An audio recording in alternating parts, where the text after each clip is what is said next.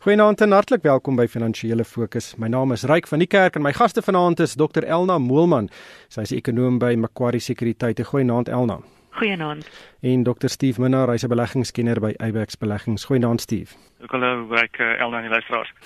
Elna, kom ons begin 'n bietjie by die goeie nuus. Uh, al is dit 'n bietjie kunsmatig. Ehm um, weet Suid-Afrika is weer die naasgrootste ekonomie in Afrika. Ons het weer by Egipte verby gesteek. Ehm um, en dit is natuurlik nadat uh, ons tot die derde plek teruggeval het toe die rand so wesentlik verswak het in Desember verlede jaar. Maar daar's ook ander tekens dat die Suid-Afrikaanse ekonomie in die tweede kwartaal sy kop 'n bietjie opgetel het. Ehm um, veral goeie vervaardigingssyfers. Uh, Dink jy daar is 'n bietjie lewe in die ekonomie wat uh, nou begin terugkom? Dit behoort in die tweede kwartaal 'n bietjie beter te wees, maar die eerste kwartaal was natuurlik geweldig sleg. Dit was toe ons daardie negatiewe eh, meer as 1% um ekonomiese groei gehad het. So ons het dan nou hierdie week baie goeie syfers gehad. Mynbou op 2.5% en dit is eintlik die groot verandering is dat in die platinum sektor het jy onderbrekings gehad in die eerste kwartaal en jy het herstel gehad in die tweede kwartaal. So daardie produksie is 18% op en dit gaan een van die groot faktore wees wat BBP in die tweede kwartaal beter maak. Die vervaardigingssyfers was ook redelik goed, 4% op die jaar op jaar grondslag en kleinhandelsverkope op 4.5%. Miskien as ek net kan terugkeer na die mynbou storie toe, dit is alles eh, die die onlangse momentum. As ons dan sou kyk waar die mynbou sektor nou is teenoor 'n jaar van tevore, dan is dit nog steeds negatief 4%. Met ander woorde, groot daling in die eerste kwartaal, 'n bietjie van herstel in die tweede kwartaal, maar eintlik nog 'n baie negatiewe storie. Daar was net 3 tipes mynbou wat 'n bietjie positief was in die, in die maand. Die res was eintlik alles baie negatief nog geweest. Steve, ehm um, jy weet hierdie ekonomie is nie die dieselfde as die as die beurs nie natuurlik nie, maar ehm um, ons sien die beurs is regtig relatief sterk. Uh, ons sien internasionale markte is sterk ook nie op die rug van regtig uitstekende ekonomiese groei nie. Dink jy 'n oplewing in die ekonomie kan die plaaslike beurs 'n bietjie meer ondersteun as wat dit uh, in die onlangse verlede gedoen het? Ja, ek dink verseker so. Ek dink weer almal op hierdie stadium so so geweldig baie slegte nuus reg oor die wêreld dat uh, enige bietjie goeie nuus ehm um, word redelik aangegryp en uh, dit weet word getrend onmiddellik vertaal in in in beter aandelepryse. Dit is eintlik verstommend as mense kyk wat reg oor die wêreld aangaan in terme van baie swak groei, al die stimulus wat weet aangewend word en nie blyk asof dit vreeslike van 'n verskil maak nie tog sit meeste van die wêreldmarkte op absolute rekordvlakke. Elna, weet almal praat van hierdie moontlike afgradering, eh, die kredietgradering wat afgegradeer word deur die graderingsagentskappe. Nou eh, die agentskappe gaan later vanjaar um, weer besin oor Suid-Afrika se gradering en ons is so op die rand van 'n afgradering na die sogenaamde rommelstatus toe. Dink jy die 'n formele syfer um, van die groei in die tweede kwartaal uh, gaan genoeg um, wees is om so afgradering te vermy? Nee, nie noodwendig nie. So as ek kyk wat die uh, graderingsagentskappe se vooruitskattinge was toe hulle hulle vorige besluite geneem het, gaan hulle waarskynlik hulle groei vooruitskattinge vir die jaar nog steeds afwaarts moet aanpas. Met ander woorde, ons het nou daardie daling gehad in die eerste kwartaal. As ons vir die res van die jaar meer as 1% groei elke kwartaal, dan gaan ons vir die jaar in totaal omtrent net gelyk breek. Met ander woorde, geen ekonomiese groei vir die jaar in totaal hê nie, wat nog steeds baie laer is as wat hierdie agentskappe verwag het 'n paar maande gelede. So, dis eintlik nog steeds nie baie positief nie. Ek dink wat vir hulle belangriker gaan wees is neem ons enige stappe om die medium en langer termyn prentjie beter te maak of nie. En ons kry weer eens die die krediet vir die fiskale stappe wat ons neem, maar ons het nog regtig geen groot stappe gesien wat sê die groei prentjie behoort beter te wees. Met ander woorde, enige stappe wat die arbeidsverhoudinge beter maak of wat dit makliker maak om besigheid te doen in Suid-Afrika nie. En ek dink wat 'n mens ook moet sê is is ek stem heeltemal saam ons relatief tot die res van die wêreld lyk in baie opsigte met ander woorde nou op hierdie stadium beter. En as gevolg van die fokus van die mark wat nou op die sogenaamde Brexit is en die negatiewe potensiële implikasies daarvan is die fokus nie regtig nou op ons kredietgraderings en en daardie risiko's nie. Maar ek bly 'n bietjie bekommerd dat een of ander tyd gaan die fokus weer terugskuif op die SA spesifieke probleme. So as jy nader kom aan die mini begroting in Oktober of dan nou nader aan Desember se kredietgraderingsbesluite dink ek die fokus gaan weer meer daarna toe skuif om te sê Ons het nog nie regtig stappe geneem om die mediumtermyn prentjie te verbeter nie en die groei probleme waarvan ek nou voorheen gepraat het, met ander woorde die groei vooruitskattinge wat weer eens 'n bietjie laer is, het natuurlik implikasies vir belastinginkomste en gaan weer 'n bietjie meer druk sit op die fiskale prentjie ook. Nog 'n stukkie inligting wat interessant was, um, ongelukkig 'n bietjie negatief is dat die direkte buitelandse beleggings wat verlede jaar na Suid-Afrika toe gevloei het, het geweldig geval. Dit was omtrent 70% laer as in 2014. Dit was net omtrent 1,8 miljard dollar, wat nie eintlik so baie geld is nie. En dit onderstreep net weer eens die swak sakevertroue in Suid-Afrika se ekonomie. Absoluut. En ons sien dit maak nie saak na watter aanduiders jy kyk nie. As jy na sakevertroue kyk, mens sien dit ook nou meer en meer in die verbruikersvertroue ensovoorts. So ons het nou net nog gepraat oor al die geld wat in die land ingekom het en as ons kyk na die portefeulje vloei, dan sê dit vir jou hulle is nog bereid om ons op korttermyn basis geld te gee, maar nie langtermyn direkte beleggings waar jy regtig betrokke moet raak in in besigheid doen in Suid-Afrika. Nie daai omgewing is nog baie moeilik en ons hoop dat daar voor die einde van die jaar ten minste een of ander stappe geneem gaan word om dit 'n bietjie makliker te maak. Steve is nogal interessant. Ehm um, weet ons sien op die oomblik uh, buitelanders uh, belê in Suid-Afrika se aandele en en staatseffekte ehm um, in, in taamlik aggressief so teenoor wat dit uh, aan die begin van die jaar was toe ons 'n klomp geld sien uitvloei het. Miskien is daar tog iets wat gebeur op die oomblik met buitelanders wat 'n bietjie meer vertroue in Suid-Afrika het of uh, ten minste Suid-Afrika sien wat bietjie minder ernstige probleme het as ander lande. Ja, ek meeste van hierdie beleggings is mos nou maar 'n relatiewe proses. Jy weet, so as een relatief beter lyk as die ander, dan lyk albei sleg, gaan nie maar vir die minste sleg. weet ek sê ons is noodwendig alles sleg nie.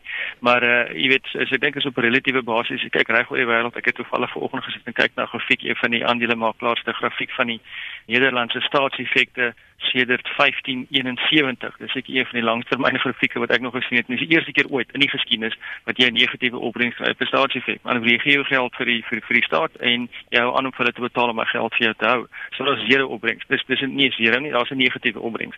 So in daardie geval kry wel nog 'n goeie opbrengs in Suid-Afrika. Die rand het nou redelik versterk. So dit is miskien 'n risiko vir buitelanders om om om hier te belê as die rand skielik weer 'n bietjie sou verswak, gaan dit nie hulle hulle opbrengste help nie. Maar op 'n relatiewe basis het ons nog redelik het ons nog positiewe rentekoerse hierso. Hier is nog besigheidsgeleenthede. Ons het nog groei. Maar ek kan verstaan dat hulle op hierdie stadium miskien bietjie skugter is om groot kapitale beleggings te maak in terme van vaste bates wat op die grond vasgemaak word wat nie noodwendig kan verkoop nie. So daarmee sport te veel vloei en rondom staatseffekte kan jy heeltemal verstaan dat op 'n relatiewe basis van die buitelandse geld hier belê. Hmm, dis ook natuurlik een van die redes hoekom die rand so mooi verstewig het die afgelope paar weke. Ja, ja, ja. Ehm um, my Elna, kom ons gepraat 'n bietjie oor die Europese Unie en Brittanje. Weet uh, dis nou al 'n amper 'n maand nadat Brittanje gesê het hy wil nie meer deel wees van die EU nie en daar's nog baie wisselvalligheid en onsekerheid amper 'n maand later, hoe lees jy die situasie en en en hoe diep in die moeilikheid tussen die Europese Unie en of eh, Brittanje? Ja, so dit is baie onseker en dit het natuurlik 'n invloed op spandering en investering en so daarom is dit groei negatief, maar ons dink wat gaan gebeur is dat sentrale banke oor die algemeen dan net weer 'n bietjie meer akkommoderend gaan wees. Met ander woorde, ons het ons verwagtinge vir wanneer Amerika begin rentekoerse 'n bietjie uitgeskuif. Ons dink byvoorbeeld plaaslik gaan ons waarskynlik nie meer verder rentekoersverhogings sien nie. En so so dit werk daardie onsekerheid en potensiële negatiewe impak dan 'n bietjie teen. As ons gaan kyk hoe belangrik Brittanje is vir meeste van die groot um ekonomieë is uitvoere na Brittanje toe eintlik minder as 1% van BBP. So in terme van hoe ons ons groei vooruitskattinge aangepas het, was dit oor die algemeen marginaal. So Brittanje spesifiek 1% laer as voorheen, so nog positief 1 vir volgende jaar, maar in die hele area byvoorbeeld het ons ons groei vooruitskattinge net met 0.2 van 'n persentasiepunt aangepas, so nog steeds meer as 1.5% vir volgende jaar. So dit behoort nie die totale prentjie heeltemal omver te werp in terme van van byvoorbeeld wêreldgroei nie. Steve, hoe lees jy dit? Ja, dit is daar dis 'n geweldige komplekse storie. Ek dink ek dink nie Britte weet kan eintlik self glo dat hulle self hierdie situasie vind nie. Maar dit is nou wat hulle voorgestem het en hulle sal nou moet leef met die uitkomste hiervan. Ehm um, ek dink dit gaan nog 'n hele tydjie vat om hulle self te ontbondel uit die hele Europese Unie uit in terme van al die verskillende handels ooreenkomste ensovoorts wat dit netlik redelik gecompliseerd gaan maak. Wat 'n mens net miskien 'n les vir vir hierdie tipe van weet referendums is dit dis eintlik verbaasend dat dit ou so geweldig belangrike referendum kan hou en op 50% stem. Dit kan doen mense nou eintlik verwag dat dit daar moet 'n 60 of 70% minimum ja stem wees of verlaat stem in hierdie geval. Ehm um, voorhou sou iets doen. Jy weet, as mense dink hoe weet dit is absoluut op 'n mespunt wat hierdie ding besluit is en nou dat jy 'n geweldige impak op die ekonomie. So ek dink hierdie ding gaan nog lank vir 'n nagmerries gee en uh, mense sal nog sien wat die finale uitkoms moet wees vir tyd, maar in die korttermyn, jy weet die die pond is baie swakker. So alles wat hulle invoer in in Brittanje is 'n invoerland, hulle vervaardig baie min binne in Brittanje. Ehm um, gaan dinge vir hulle duurder word. So ek dink Elna is heeltemal korrek. Hulle sal hulle akkommoderende posisie van 'n van 'n sentrale bank af sal hulle nog verlanger moet aanhou.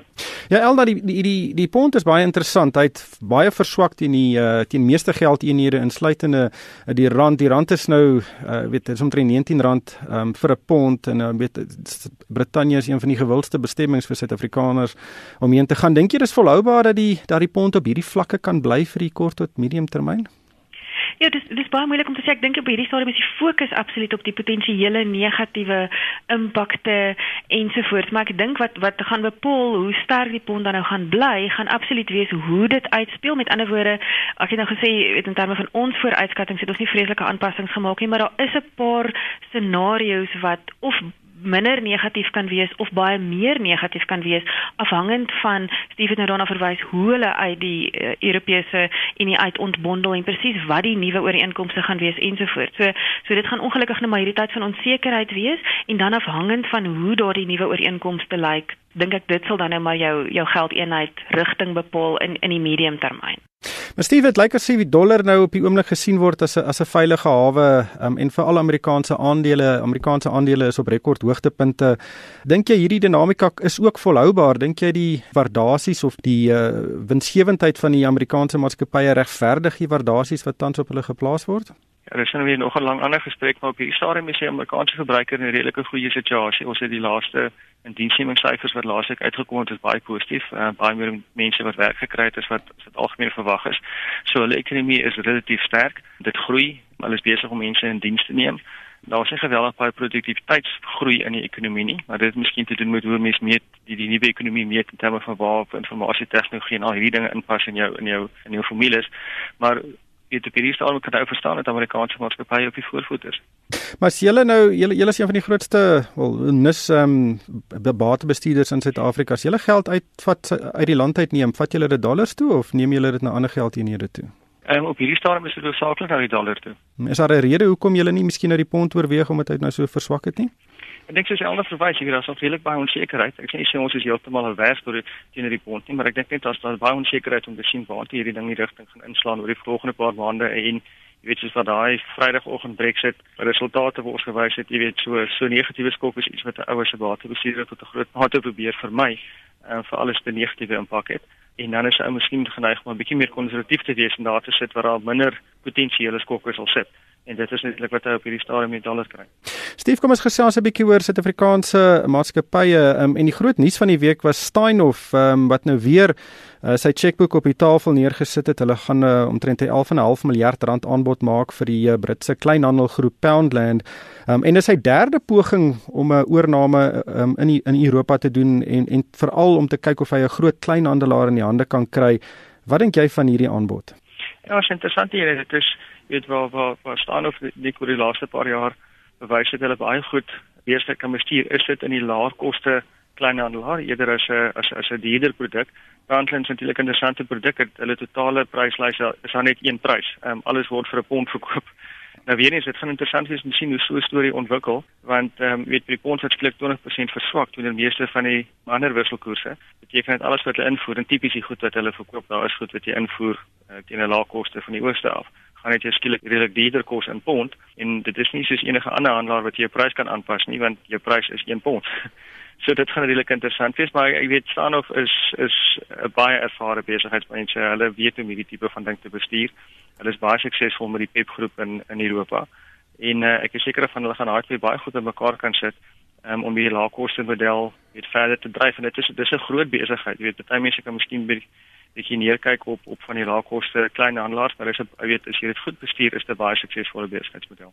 Maar hoe belangrik is dit vir Steinof om hierdie transaksie deur te haak? Weet hulle het nou uh, twee vorige um, aanbiedings gemaak of uh, probeer om oornames te doen wat misluk het. Dit wys 'n bietjie negatief op die bestuur indien hulle weet gaan vir 'n oorname en dit nie kan deurtrek nie. Ja, kyk, ek is altyd twee kante tot so 'n transaksie, weet hulle kan hulle beste voet voorsit en hulle beste beste probeer, maar jy kan die transaksie nie deurraak as jy aan die ander kant saamspeel.